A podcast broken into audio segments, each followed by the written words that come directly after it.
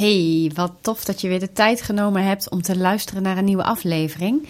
Dat waardeer ik heel erg, dat weet je van me. Ehm, dus super dat je weer uh, nou, moeite neemt. um, jeetje, ik heb heel lang getwijfeld. Laat ik dat uh, als eerste zeggen. Waarom? Omdat ik ergens heel erg de behoefte voel om dit met je te delen. En tegelijkertijd denk, oeh, het is ook best wel een beetje privé. Uh, maar ik ga het toch doen. Want uh, om even een kijkje in de keuken te geven. Uh, nou, je weet dat ik geopereerd ben als je de afgelopen aflevering hebt geluisterd. En nou, ik ben hartstikke goed opgeknapt. En de uitslag was goed. Hè? Dus het was weliswaar een kwaadaardige tumor. Maar alles is heel goed weggehaald. En het is mooi in het genezen. Dus dat is helemaal, alleen maar helemaal goed nieuws. Dus daarmee hè, heb ik het voor mezelf ook ja, afgesloten. In die zin dat um, nou, de arts geen enkele aanleiding geeft om me zorgen te maken. Uh, en dat ik dat dus dan ook echt niet ga doen. En achteraf vroegen mensen mij nog wel. God, maar het zal wel schikken zijn geweest. En uh, heb je toch niet stiekem een beetje zorgen gemaakt? Ja, eh, misschien suf, maar ik had dat dus niet. Nee, ik heb me niet heel erg zorgen gemaakt. Um, ik dacht iedere keer, ja, als het niet goed is, heb ik dan nog tijd zat om me zorgen te maken. En om de een of andere reden had ik dit een beetje aangevoeld. En vraag me niet waarom, want ik heb geen idee. Maar dat is wel, um, nou, wat er gebeurde. Dus ik dacht, ja, die, dat, dat tumortje, dat zal niet per se goedaardig zijn. Ik wist ook niet per se dat het kwaadaardig was. Maar ja, ik had daar niet zo'n gevoel bij. En ik dacht, ja, als het weg is, is het weg. En uh, als die snijvlakken, hè, die snijranden goed schoon zijn, dan zal het allemaal wel loslopen. Nou, en dat uh, heeft zo mogen zijn. Dus dat is heel fijn en daar ben ik ook ontzettend dankbaar voor. En het suffe was, en misschien daardoor ook wel deze enigszins melancholische bui, is dat ik dus na uh, donderdag, ja, want donderdag heb ik dat allemaal eruit laten halen, hechtingen en de uitslag gekregen. En vrijdag ja, ik had energie voor tien. En ik heb het hele weekend heel hard gewerkt uh, uh, met het team. Om een aantal dingen voor elkaar te krijgen. En ik voelde in alles dat ik dacht, ik heb potverdriedubbeltjes een tweede kans gekregen. En dat klinkt dan meteen heel zwaar. Zo bedoel ik het niet. Maar wel dat ik dacht, er zijn zoveel mensen die niet de mazzel hebben dat ze een goede uitslag krijgen. Zoals ik dat heb gehad. Dus hoe fijn is het dat ja, ik wel dat geluk had en dat ik gewoon lekker kan doorstomen met alles wat ik aan het doen ben. En uh, ik heb meteen ook uh, vrijdag, geloof ik, meteen vrijdagochtend weer de hardloopschoenen aangedaan. Ik moest even twee weken echt rustig aandoen vanwege die hechtingen ook. Maar uh, hardloopschoentjes weer aan. Nou, dat voelde ook weer heel fijn. Ik heb een hele tijd wat minder hard gelopen. Omdat ik, ja, ik had de energie er niet voor. In die zin dat ik mijn energie gewoon in andere dingen aan het stoppen was. En waaronder het trainen voor de Vierdaagse. Uh, nou, toch ook wel lopen voor een huttentocht die ik in de zomer ga maken. Waarin we toch aardig wat bagage op de rug moeten. Dus nou, wat andere keuzes gemaakt. Maar nu voelde ik wel weer heel sterk dat ik dacht: kom op, dat lijf is gezond, actie. Dus uh, nou, lekker weer veel naar buiten. Dus ik heb alweer uh, twee of drie keer hard gelopen. En echt geen afschuwelijke lange afstanden. Want als je me langer volgt, dan weet je dat ik ook wel eens hele lange afstanden loop. Nou, dat doe ik nu niet. Dat is echt puur een tijdskwestie. Um, er zijn andere dingen die ik nu belangrijker vind, dus uh, vandaar die keuze. Maar goed, dat is helemaal niet waar ik het over met je wilde hebben. Maar ik ben wel heel erg nou, geraakt door alle lieve berichtjes die ik van iedereen heb mogen ontvangen met beterschapswensen. Zelfs bloemetjes werden er gestuurd. Dus ja, dat is zo ontzettend fijn om te weten dat mensen met je meeleven en mensen de moeite nemen om je even een berichtje te sturen, om je een hart onder de riem te steken. Dus uh, nou, dank daarvoor. Wat ik wel met je wil bespreken is het volgende. Mijn kind, mijn oudste kind, wordt deze week 17 jaar. Nou is 17 niet per se de, de, de mijlpaal hè, die 18 jaar is. Maar ik, ik heb me er toch een potje last van. en last in positieve zin. Dat ik denk, jeetje man, dit is gewoon een man. Dit is gewoon bijna geen kind meer. En um, toen dacht ik, ik wil gewoon even met je delen hoe ik terugkijk. Hè, en dat doe ik in een paar minuten, dus ik ga daar niet uren over doorpraten, want dat zou ook kunnen. Maar ik wil je gewoon even meenemen in hoe ik terugkijk op, op 17 jaar moederschap. Want dat is het natuurlijk ook wel. En um, ja, laat ik ook dan maar gewoon bij het begin beginnen. Want ik, toen ik samen was met mijn uh, ex-partner toen, hè, dat is de vader ook van Guus toen, uh, nou, ik was hartstikke gelukkig en uh, we waren bezig met een huis kopen en we hadden allebei een leuke studie gedaan, allebei een leuke baan. Maar moeder worden was toch wel eigenlijk mijn allergrootste wens. En we hadden destijds vrienden die hadden al een, uh, een klein kindje. En ja, dat was echt mijn allesje. dat was zo'n leuk mannetje. En ja, ik heb zo genoten van ja, zijn kleine eerste dingetjes. Ze schelen uiteindelijk niet zo heel veel. En dus toen ik zwanger raakte, en nou ja, hè, ik zeg wel eens, hij keek naar me en ik was zwanger. Dus ik had de mazzel dat ik heel snel in verwachting raakte. Um, ja, ik was zo intens gelukkig. Ik was ook in iedere vezel zwanger. Ik vond het fantastisch. Uh, totdat we ongeveer vier maanden gepasseerd waren. dus die eerste vier maanden heb ik ook echt nergens last van gehad. Dat mensen zeiden, dan ben je niet misselijk? En dacht ik, oh ja, ben ik eigenlijk misselijk? Nee, ik geloof niet dat ik misselijk Ja, misschien even. En terwijl ik dacht, was het eigenlijk alweer weg. Dus niet misselijk. Ik voelde me gewoon goed. Maar ik moet zeggen, vanaf die, ja, ergens vanaf die 16, 20 weken kwamen toch ook best snel fysieke ongemakken. Ik heb heel erg rugklachten gehad.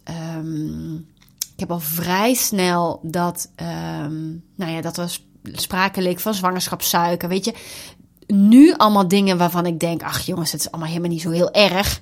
Um, maar toen, ja, ik was zo op een top zwanger dat ik dat best heftig vond allemaal. Ik dacht, jeetje, wat gebeurt er allemaal in dat lijf? En, en nu denk ik wel eens, oh, ik zou best met al die kennis en ervaring die ik nu heb, zou ik best nog een keer zwanger willen zijn. Niet voor dat kind, want die wil ik niet. Oh, dat klinkt heel stom, maar je snapt wel wat ik bedoel. Maar wel dat ik denk, ik zou er zo anders in staan. Gewoon door de levenservaring die ik nu heb, door alles wat ik meegemaakt heb. Um, en niet dat ik nou een heel zwaar ingewikkeld leven heb. Maar goed, er zijn toch echt wel wat dingen gebeurd, ook in mijn leven. Maar goed, nou, dat is niet zo en dat is ook prima. Dus nou ja, richting het einde van die zwangerschap, um, nou, is het fysiek heel zwaar geweest heb ik echt, ben ik ook heel ziek geweest. Zeker naar uh, richting die bevalling. En ik vergeet gewoon nooit dat ik, um, ik zou ingeleid worden, want ik had uh, uh, het helpsyndroom. En um, ik kreeg daar morfine voor ook. Maar toen mocht ik nog een nachtje, ik denk één of twee nachtjes mocht ik toen thuis zijn. En ik ging enorm hallucineren van die uh, morfine. Dus ik heb s'nachts vliegen staan vangen met een vliegenmapper op een stoel midden in de woonkamer. Terwijl er was natuurlijk geen vlieg te bekennen. Maar ik ging daar echt een beetje raar van doen. Dus nou, ik was blij dat ik uiteindelijk die ochtend naar het ziekenhuis mocht. Dat ik ingeleid werd. Nou, dat was allemaal ja, in principe wel volgens plan. En um, na die Um, nou ja, die, ze hadden me wel gewaarschuwd, hè, zoals ze dat bij iedereen doen, van dat kan een weeënstorm zijn. En ik weet ook nog dat een vriend van mijn ex-man, die werkt in het ziekenhuis, die heeft toen ook nog even bij ons aan het bed gezeten. Van, nou, je ziet er goed uit. En uh, nou, is goed uit in de zin van, ik was een soort alien. Ik hield heel veel vocht vast. En ik was ook echt wel heel ziek. Maar hè, die wilde ons natuurlijk ook een, een nou, hart onder de riem steken. Hè. Dus, dus nou, die weeën die volgden elkaar best oké op. Totdat dat dus inderdaad die beruchte weeënstorm werd. En toen, nou, ik ben niet zozeer een stuk van de film kwijt, maar toen is er wel echt paniek geweest. Dus ik ben uiteindelijk heb ik mogen persen. Ik zal niet te veel in detail treden hoor, want het is echt niet heel grappig. Ik mocht uiteindelijk gaan persen en uh, nou, dat ging gewoon niet goed. Dus ze hebben nog met een knip en een tangverlossing en nog een tangverlossing en nog een ketting en duwen op de buik met meerdere mensen hebben ze geprobeerd dat kind ter wereld te brengen. Dat ging niet. Dus toen hebben ze een spoedkeizersnede gedaan. En dat beeld heb ik dus wel nog, zelfs na 17 jaar, heel scherp op het netvlies. Dat ze die baby terugduwde. Dus die zat met zijn kopje zo half in dat geboortekanaal. Uh, die hebben ze teruggeduwd. Nou, dat, kan ik, dat klinkt heel gek, maar dat kan ik bijna voelen. En toen was het echt met, nou ja, Louis de Sirenes kan niet in een ziekenhuis, maar met heel veel haast. Zijn ze toen met een bed over de gang gaan rijden. Ik weet nog dat ik ergens tegenaan geknald ben. Ik weet dat nog een verpleegkundige klompen is verloren. En dat ze riep: laat maar liggen. Dat zijn, maar, het zijn mijn schoenen maar. Zoiets. En nou toen ben ik natuurlijk onder narcose gebracht. En um, nou, is, is die baby gehaald. Maar omdat Guus heel slecht ter wereld kwam, heb ik hem de eerste uren ook niet gezien. Dus toen ik bijkwam uit de narcose, ja, had ik geen kind. En was ook nog niet meteen heel duidelijk of het allemaal wel goed ging met hem. Dus dat was best spannend. En het stomme was, ja, dat is altijd achteraf. Maar ik weet dat ik met mijn ex-man toen wel besproken had: als er iets is, wil ik dat je altijd voor de baby kiest en niet voor mij. En dan bedoel ik niet hè, beslissingen nemen, maar meer ga met de baby mee. Ik red me wel. En dat heeft hij toen gedaan. Dus in die periode dat ik zeg maar, nou ja, uh, onder zeil was, of een bijkomen was uit die narcose. Toen um, is hij bij Guus geweest. En, en ondanks dat hij in de couveuse moest. En nou ja, dat zijn apkar allemaal niet zo goed was. En nou, dat was allemaal niet zo heel jovel. Maar mochten ze wel contact hebben. Dus dat is dan wel weer het positieve daaraan. Um, en ik weet dat ik in die eerste periode best wel um, moest wennen aan het feit. Ja, ik ook een suf romantisch beeld. Ja, iedereen die nu zwanger is, hou dat romantische beeld vast. Want het is heel goed. Ik had dat romantische beeld ook. Maar ik dacht, oh, dan wordt die baby geboren. En dan komt hij bij je te liggen. En hè, voor de hechting. Ik weet, ik weet natuurlijk dan ook net iets te veel. Dat werkt ook niet altijd in je voordeel. En um, ja, ik had geen baby. Ik was doodziek. Dus ik weet ook dat mijn uh, moeder en haar partner en mijn zus, die hebben toen ergens in Nijmegen ook een hapje gegeten. En die waren op van de zenuwen. Dus die hebben daar nu allerlei komische verhalen nog over. Over, nou ja, versprekingen en gekkigheid. Maar die zijn wel nog s'avonds in het ziekenhuis geweest. Um, en die hebben Guus ook even mogen zien. Ik heb hem ook even heel kort bij me gehad, maar dat weet ik eigenlijk helemaal niet meer zo goed. En pas die dag daarna, toen, nou ja, leek ook hè, de zorg een beetje geweken. Door hij ademde gewoon goed, zijn hartslag was goed. En nou toen had ik pas het gevoel dat ik moeder ben geworden, was geworden.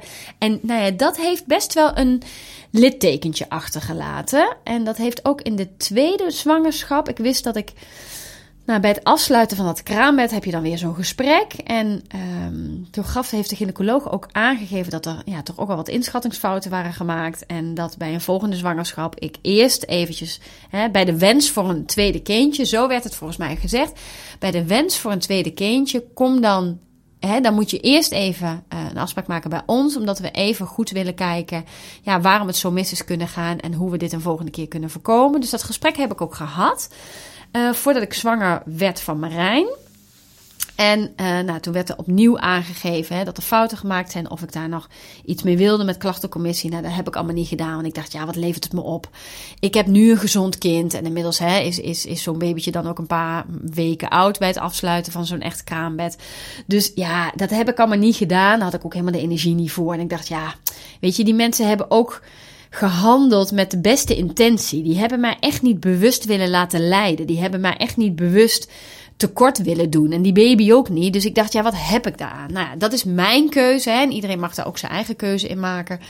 Ik heb daarvoor gekozen. En nou ja, toen begon wel een beetje uh, uiteindelijk het roze wolk idee. Want ik had een, een, een ontzettend gezonde baby.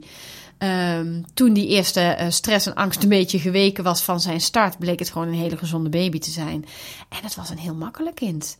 En um, nou, ik maak even een hele grote stap nu. Ik zal zo even terugkomen. Maar het is nog steeds een makkelijk kind. En ja, of dat dan aanleg is, of dat opvoeding is, of dat um, genen zijn, ja, zeg het maar. ik geloof dat het een combinatie is. Ik denk in de basis is Guus qua temperament gewoon een evenwichtig kind. Um, ik denk dat onze opvoeding, zeker ook in die beginjaren, daar heel erg aan bijgedragen heeft. Um, en wat was die opvoeding dan? Ja, ik denk als peutertje uh, en als kleuter. Ja, wij zijn altijd wel heel duidelijk geweest en behoorlijk consequent. En daarmee bedoel ik dat bij mij op jonge leeftijd moesten ze bij mij, en dan waren ze twee, tweeënhalf. Als ze echt iets deden wat ik vond dat niet door de beugel kon, dan moesten ze bij mij echt even tegen de kast staan, zeiden wij dan altijd. En dan was er gewoon een deur van een trapkast. Zeg ik, ik wil dat je even bij de kast gaat staan, want je luistert niet. En um, nou ja, dat is die hele, die hele stop 4-7 methode waarop daarna uiteindelijk um, alle trainingen gebaseerd zijn, daar was ik toen al mee bezig, um, is daar wel een voorbeeld van waarvan ik dacht, ja, kinderen leren op deze manier. En ik geloof heel erg dat als het contact en de verbinding, die relatie, als ik daar veel in investeer, dan is het ook heel goed om daarnaast heel duidelijk en voorspelbaar te reageren. Dus, nou ja, hè, heb ik ook wel eens van pure wanhoop toegegeven. Ja, natuurlijk. Wie doet het niet? Maar ik als ik nu terugkijk, kan ik in alle eerlijkheid zeggen dat ehm, onze reacties altijd heel voorspelbaar zijn geweest. Ik kan me niet herinneren. Ik ben ondertussen ook heel goed aan het nadenken. Hè, of ik dan niet stiekem lieg tegen jullie. Maar dat is volgens mij echt niet zo. Ik kan me niet herinneren dat, uh, dat hij echt het bloed onder mijn nagels vandaan haalde. Of dat ik echt dacht: ik, ik, ik plak je achter het behang weg met dat kind. Omdat ja, hij best wel goed onze grenzen accepteerde, omdat er ook heel veel wel kon. Kijk, Marijn, die kwam later, maar die, had een, die, had een, die heeft ook niet zo'n hele eh, florisante start gehad, maar die was om een andere reden heel ziek. Dus dat kind had voortdurend pijn. Die, dat, was, dat kind dat leed echt. Ik weet dat wij in de, uh, uiteindelijk is een heel lang verhaal, dat ga ik je nu niet vertellen hoor, maar um, daar zijn we op een gegeven moment bij in het ziekenhuis gekomen toen hij denk ik een maand of zes was, vijf, zes. En toen weet ik dat die kinderarts zei, die bel, die zei: Ik ga nu een opname regelen. En die zei toen tegen de verpleegkundige, denk ik, die dan daar opnemen: Ik heb hier een ernstig aangedaan kind. En toen dacht ik: Oh, oké, dit kind heeft een hele andere start ook gehad. Um, maar die was heel, om een andere reden heel ziek. Dat is ook allemaal helemaal goed gekomen, gelukkig. Dus ik mag daar niet over klagen. Maar wij hebben ook wel medisch gezien best wel even wat zorgen gehad. Um, maar die heeft een ander temperament. Dus die dreef mij door zijn pijn. En doordat hij zich zo ontzettend afschuwelijk voelde, die kon mij echt wel tot wanhoop drijven met zijn gehuil. En dan ging ik gewoon stofzuigen. En dacht ik, dan hoor ik het vijf minuten niet. Dan zet ik gewoon de stofzuiger aan. Om maar even niet dat gehuil te horen. Ja, dat heb ik met Guus dus nooit gehad. Dat was best een heel, hele tevreden baby. En, en, en ook daarnaast peuter en kleuter. Omdat wij heel voorspelbaar waren. En wij allebei eigenlijk in staat waren om in vrijwel alle situaties gewoon neutraal en rustig te reageren. Um, ja, ging dat ook prima. Dus ook hè, die fases, van dat hebben ze allemaal. Dat ze uit bed komen, dat ze niet willen slapen, dat ze s'nachts wakker worden, dat ze in een soort blinde paniek beginnen te gillen. Uh, als peutertjes zijnde. Hè? Of die kleuters die dan ja, dat, dat magisch denken gaan ontwikkelen en dan niet willen slapen. Bang zijn voor alles wat los en vast zit. En dan kun je wel honderd keer zeggen, je hoeft niet bang te zijn. Maar ze zijn het. Dus ja, dat heeft niet zo heel veel zin. En ik denk dat ik, ja, dat ik mezelf best um, een schouderklopje mag geven over het feit dat het me vrijwel altijd gelukt is om heel rustig en neutraal te reageren. Dat heeft er denk ik ook mee te maken dat wij destijds heel duidelijk de keuze maakten dat ik wat minder zou gaan werken. Ik werkte toen, ik heb eerst drie, drieënhalve dag gewerkt en later drie. Nee, ik ben eerst met vier, toen terug naar drieënhalf en toen terug naar drie. En later ben ik weer meer gaan werken. Laten we het er maar niet over hebben hoeveel ik nu werk. maar um, daar, daar zitten dus wel fases in. En dat is ook wel een bewuste keuze geweest. Dus als ik met de kinderen thuis was, dan was ik ook echt thuis. En dan ja, kon bij wijze van spreken het werk op zijn kop gaan staan. En tuurlijk deed ik dan ook wel eens wat voor het werk. Hè. Het was niet zo dat ik dan dacht, ja, val maar in de plomp. Maar wel onder mijn voorwaarden. Dus als het mij uitkwam, als die kinderen in bed lagen of een keer s'avonds. Want ik had ook toen al een baan die je ja, niet per se van 9 tot 5 kon doen, de deur dicht trekken en denken het zal allemaal wel. Dus het was um, nou ja, een, een, een goede combi, denk ik, dat ik ja, best goed in staat was om dat um, nou, goed voor elkaar te boksen. Um, maar daar ook heel bewust keuzes in heb gemaakt. Dat ik dacht, ja, mijn kinderen zijn maar één keer jong. Ze zijn überhaupt maar één keer één leeftijd. Maar toen vond ik dat wel heel belangrijk. En um, nou, ik denk dat ik daarop terugkijk als dat dat voor toen ook een goede beslissing is geweest. Later heb ik daar weer anders over nagedacht. Omdat, nou ja, toen hè, uiteindelijk heb ik altijd wat minder gewerkt dan uh, de vader van de kinderen. Uh, maar dat betekende in, ten tijde van de scheiding dat dat ook best wel gedoe gaf. Want ik had natuurlijk een veel minder, veel minder grote spaarpot. Uh, nou ja, er werden andere dingen weer van mij verwacht. Dus ja, nou, toen heb ik wel eens gedacht, waarom heb ik dat toen opgegeven? Hadden we dat maar meer gelijk getrokken? Daar heb ik nu wel weer vrede over. Maar nou ja, zo, zo zie je dat je daar soms ook zoekende in bent. Hè? Hoe, ja, waar doe je goed aan? Welke beslissingen neem je? Et cetera. Nou ja, naarmate hij ouder werd um, en in die basisschoolleeftijd zagen we nog steeds wel dat evenwichtige kind. Maar zagen we ook wel een kind die um, nou ja, niet heel hard zijn best hoefde te doen op school, omdat het hem ook allemaal wel een beetje makkelijk kwam aanwaaien. Dus uh, dingen als hulp vragen, dingen als um, ja, hulpvragen, leren leren, die hoort er denk ik ook wel heel erg bij. Ja, dat ontwikkelde hij minder hard, waardoor, um, nou ja, daar soms ook wel zorgen over waren. Hè? Ja, maar hoe, hoe, ja, hoe, wat voor zelfbeeld heeft hij? Waarom durft hij geen hulp te vragen? En hè, ik heb echt wel het geluk, dus ik wil het ook niet groter maken dan het is, maar ik heb echt wel het geluk um, dat het een kind is die, die nooit enorm uit balans is geweest. Maar het is niet zo dat een, een kinderontwikkeling helemaal soepel gaat. En dat is dan ook wel weer het punt wat ik, wat ik richting jou wil maken. Is als je je zorgen maakt, dan is dat vaak best terecht. Maar probeer het ook weer te normaliseren. Kinderen maken nou eenmaal fases door die uh, soms wat meer van je vragen. En een andere fase zie je, oh, nu, nu rolt het balletje weer wat makkelijker, wat soepeler. Dat is normaal. Dus um, ja, maak het niet groter dan het is, zou ik je willen zeggen. Maar bagatelliseer het ook niet. Want als jij je zorgen maakt, dan is daar een reden voor. En soms is het dan goed om met iemand te sparren. Hè? Dat kan een bekende zijn of een professional zijn. Om eens te kijken hoe reëel zijn die zorgen en wat, wat speelt er nou precies. Nou, inmiddels hebben we te maken, en ik ga er wel in de vogelvlucht doorheen, hè, dat had ik je al verteld. Inmiddels hebben we te maken met een puber. Ja, en ook hierin zie ik eigenlijk een heel evenwichtig, een heel evenwichtig mens. Die natuurlijk de grenzen opzoekt en dingen uitprobeert. Niet in extreme. Wij hebben geen extreme ruzies thuis. Um, ja, er is gewoon een fijn contact. Als ik vraag om te helpen, dan gebeurt dat, maar andersom ook. Hè? Dus daar, heb ik vorige podcast geloof ik kort nog iets over gezegd. Dus nu zie je dat de opvoedtaak een vele andere lading krijgt, omdat het veel meer gaat over begeleiden, over coachen, over ernaast lopen. En niet meer het echte aansturen wat je nou, op die basisschooltijd, of in die basisschooltijd en in die eerste periode van de middelbare school doet. Daarin vind ik ook dat hij echt zijn eigen keuzes moet leren maken. Um, en ook dat hangt weer een beetje af van wat voor kind je hebt. Um, op bepaalde vlakken denk ik dat ik iets meer moet sturen dan Marijn. Terwijl op andere vlakken denk ik, nou prima, laat maar gaan met dat kind. Dat komt wel goed. Dus ook daarin zit gewoon persoonlijkheid. Um, ja, ingeweven in wat dat van jou vraagt in je opvoedskills.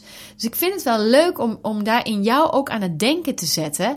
Heb je genoeg scherp ja, wat voor type kind jij hebt en wat hij dus nodig heeft in de opvoeding. Hè? En dan maakt de leeftijd eigenlijk niet eens zo heel veel uit. En nou ja, dat zijn ook weer dingen. Ehm, ja, ik heb kinderen die, die ook heel graag thuis waren. Die, uh, dat ken ik ook wel weer uit mijn eigen familie. Ik denk, mijn broer en mijn zus en ik hadden dat ook heel erg.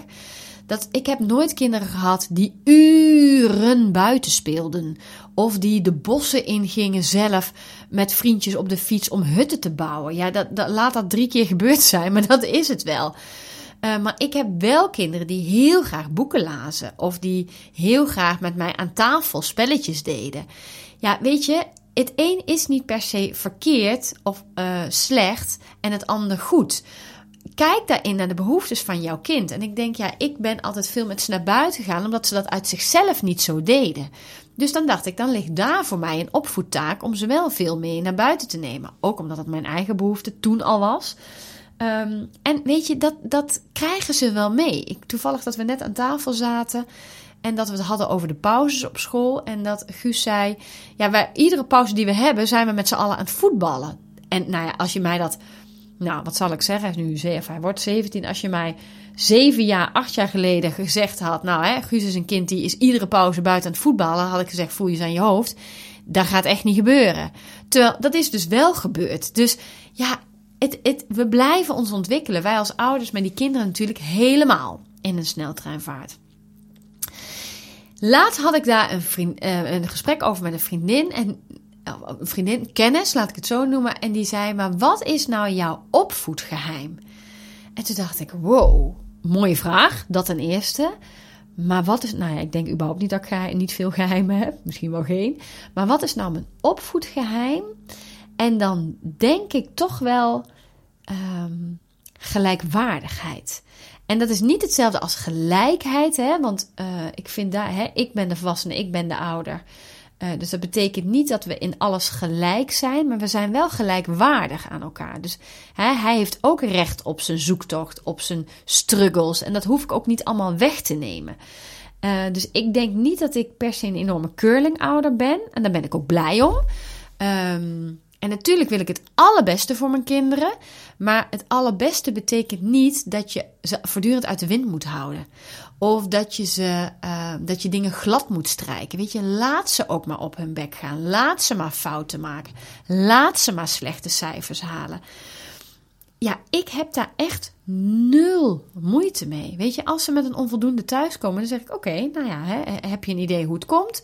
Ligt het aan te weinig leren? Um, begrijp je de stof niet? Heb je hulp gevraagd? Heb je het een beetje laten gebeuren? Ja, eigenlijk krijg ik altijd ook wel een aardig eerlijk antwoord, denk ik. En laat het dan 50% van de werkelijkheid zijn, dan ben ik ook al heel tevreden. Um, dus ja, daarin denk ik dat ik wel. Um, ja, hoe zal ik dat noemen? Het is best moeilijk om daar een woord voor te vinden, maar. Gezocht heb naar um, die kinderen zien om wie ze zijn, maar tegelijkertijd wel heel erg mijn opvoedtaak serieus nemen. Dus als ik moeilijke momenten had met die kinderen, en ik heb natuurlijk ook lange tijd best veel alleen gedaan, dan weet je, ik was ook moe. En dan had ik ook, dacht ik, oh man, zakte allemaal in. Weet je, ik ga gewoon slapen. Ik wil rust aan mijn kop. En tegelijkertijd kon ik mezelf ook altijd wel de vraag stellen: maar wat wil ik ze nu leren in deze situatie? En door die vraag te stellen kon ik iets meer afstand nemen. En dat zorgde er dan ook eigenlijk altijd wel voor dat ik weer verder kon. En dat ik dan nog net even een beetje geduld uit mijn tenen kon halen. Of net even zorgde um, nou ja, dat ik het iets anders organiseerde. Waardoor het ja, of voor het gezin rustiger was. Of uh, in de situatie beter paste. En uh, dat deed ik toen. En nu vandaag betrapte ik me erop, omdat ik ook zo een beetje terug aan het denken ben. Van jeetje, 17 jaar geleden liep ik erbij als een soort van nou ja, doodzieke, dikke troll. um, en toen dacht ik, eigenlijk doe ik het nu nog steeds op die manier. Dus die, die um, ja, toch een bepaalde manier van gelijkwaardigheid proberen te zoeken. Ze niet uit de wind houden, hè, niet voortdurend uit de wind houden. En um, nou, ik had wederom best een drukke dag. Maar ik had ook een drukke dag met heel goed voor mezelf zorgen. Want ik had lekker de nagels gepland en de kapper gepland. Heel lekker dat dat nu in één keer door de week kan. Hè? Oh, dat is zo fijn aan zelfstandigen zijn. En nou, dat liep allemaal iets of wat uit. En ik wilde het hondje nog ophalen, want die was bij de opvang. Ja, weet je, dan zet ik mijn kinderen wel in de actie. Dus, dan, dus ik heb wel gezegd: eentje moet even de boontjes doppen. Uh, want we aten spersieboontjes. En de ander moet even stofzuigen. En soms laat ik ze dat zelf uitmaken, maar nu vond ik wel dat de een dit moest doen en de ander dat. Ja, dat doen ze dan ook. Hè. Dan geef ik ook wel de ruimte door te zeggen: hè, Dit wil ik dat vanmiddag nog gebeurt. Ik ben rond kwart voor vijf thuis. We moeten op tijd eten, want iedereen moet weer in de actie daarna. Dus dan wil ik graag richting eten uh, uh, klaarmaken gaan, want iedereen moet om zes uur weer de deur uit. Uh, maar dat betekent dat jullie dit moeten doen. En dat is dus ook prima. Um, maar dat komt, denk ik, ik krijg dan echt geen weerwoord. Of uh, ja, doe lekker zelf, of uh, nou ja, niet komen. Dat gebeurt gewoon. Maar ook omdat ze weten dat ik ook voor hun dingen doe. Maar ook dat ze weten dat ze geen ruimte krijgen. En dat was wel grappig, want ik liep gisteren bij de yoga naar binnen. En toen had ik het daar met een, een, een andere yoga mens. hoe zeg je dat? Yoga-cursist, yoga-persoon. Had ik het daarover. En toen hadden we het over pubers. Want nou ja, onze pubers kennen elkaar van naam. En uh, nou, ik weet niet, hij vroeg me daar iets over. En toen zei ik, ja, ik zei, een van die twee moet... Oh, het ging over de, het tijdstip van de yoga. Dat het een beetje, dat het heel vroeg is. Hè? Ik eh, ga om kwart over zes, uh, stap ik in de les. Maar dat is ook heel fijn, want dan heb je nog een avond. En... Um, dus ze zeiden, oh, red jij dat altijd wel? Of hoe doe jij dat met werk en eten? Ik zei, ja, ik zet de kinderen ook in de actie. Ik zeg, die zijn nu even een rondje met het hondje. En die hoeven dan niet uren te lopen met die hond. Helemaal niet. Maar ik bedoel, die krijgen er niks van om even een blokje van 10 minuten of een kwartier te doen. Want die hond krijgt enorm veel beweging bij ons. Dus het is prima om even een blokje om te gaan. Ja, ja, zegt hij. Ja, dat vroeg ik ook aan mijn kind. Maar ja, die moest leren, want het is toetsweek. Ik zeg, ja, bij ons is het ook toetsweek. Maar ze zijn om één uur thuis. Of eerder. Ja, dan hebben ze de hele middag om te leren. Dan kunnen ze best even met de hond 10 minuten gaan lopen. Ja, zegt hij, ja, daar heb je wel gelijk in. Ja, bij ons weigeren ze dan. Ja, en dat komt, dat komt bij mij gewoon niet voor. Dat gebeurt gewoon niet. Omdat zij, denk ik, van jongs af aan weten... Um, er valt met mij best te onderhandelen binnen mijn kaders.